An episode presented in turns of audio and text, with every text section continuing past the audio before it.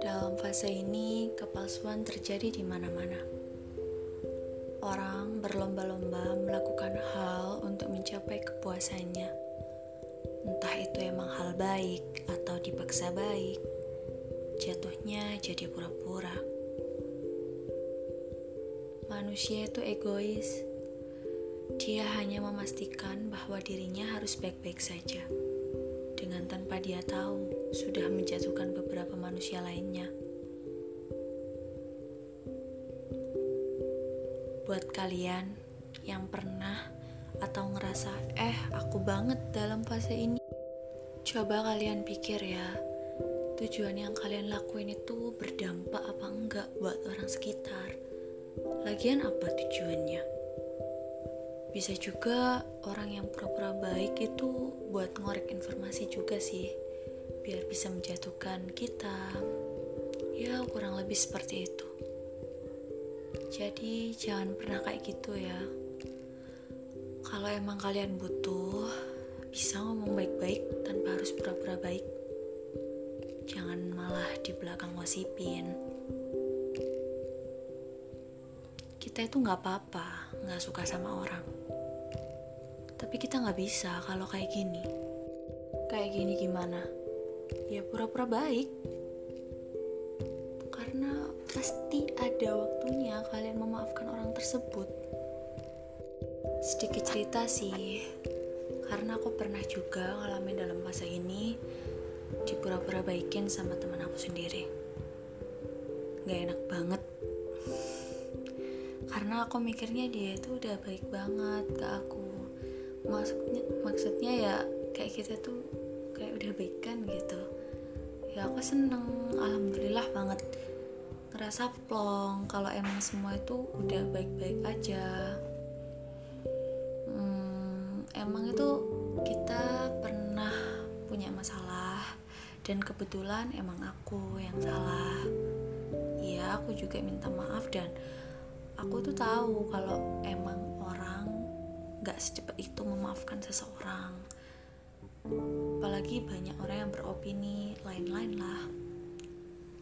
Ada juga yang masih ingat-ingat banget sama kejadian ini itu.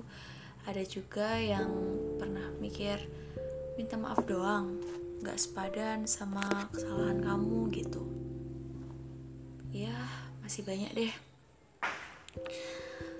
padahal kan manusia pasti berbuat salah dan kita dianjurkan untuk meminta maaf dan selalu seperti itu. Begitu. Oke lanjut. Temen aku ini udah fine fine aja di aku. Padahal sebelumnya ya aku udah minta maaf ke dia tapi dia ya kayak gitulah. Pura-pura nggak terjadi apa-apa gitu pernah dulu pas bercandaan sama teman dia tuh ngikut dan menurutku itu dia udah enakan sama aku. Candaannya juga nyambung terlihat udah nggak berantem lah pokoknya. Eh tahu taunya di belakang aku ya gitulah. Kayak dendam seumur hidup aja. Rasanya tuh kayak dia selalu benci aku. Apa pun yang aku lakuin itu kayaknya selalu salah buat dia. Pokoknya dia benci banget ya aku kaget. Kok bisa kayak gitu? Selama ini apa? Dendam yang dia sembunyikan itu benar-benar bagus di hadapanku. Sakit sebenarnya. Ya walaupun dia bukan karibku. Tapi kalau emang ada orang kayak gitu tuh rasanya sedih gitu loh. Ngerasa kayak kita tuh masih belum baik ke orang-orang aku cerita ke mama aku.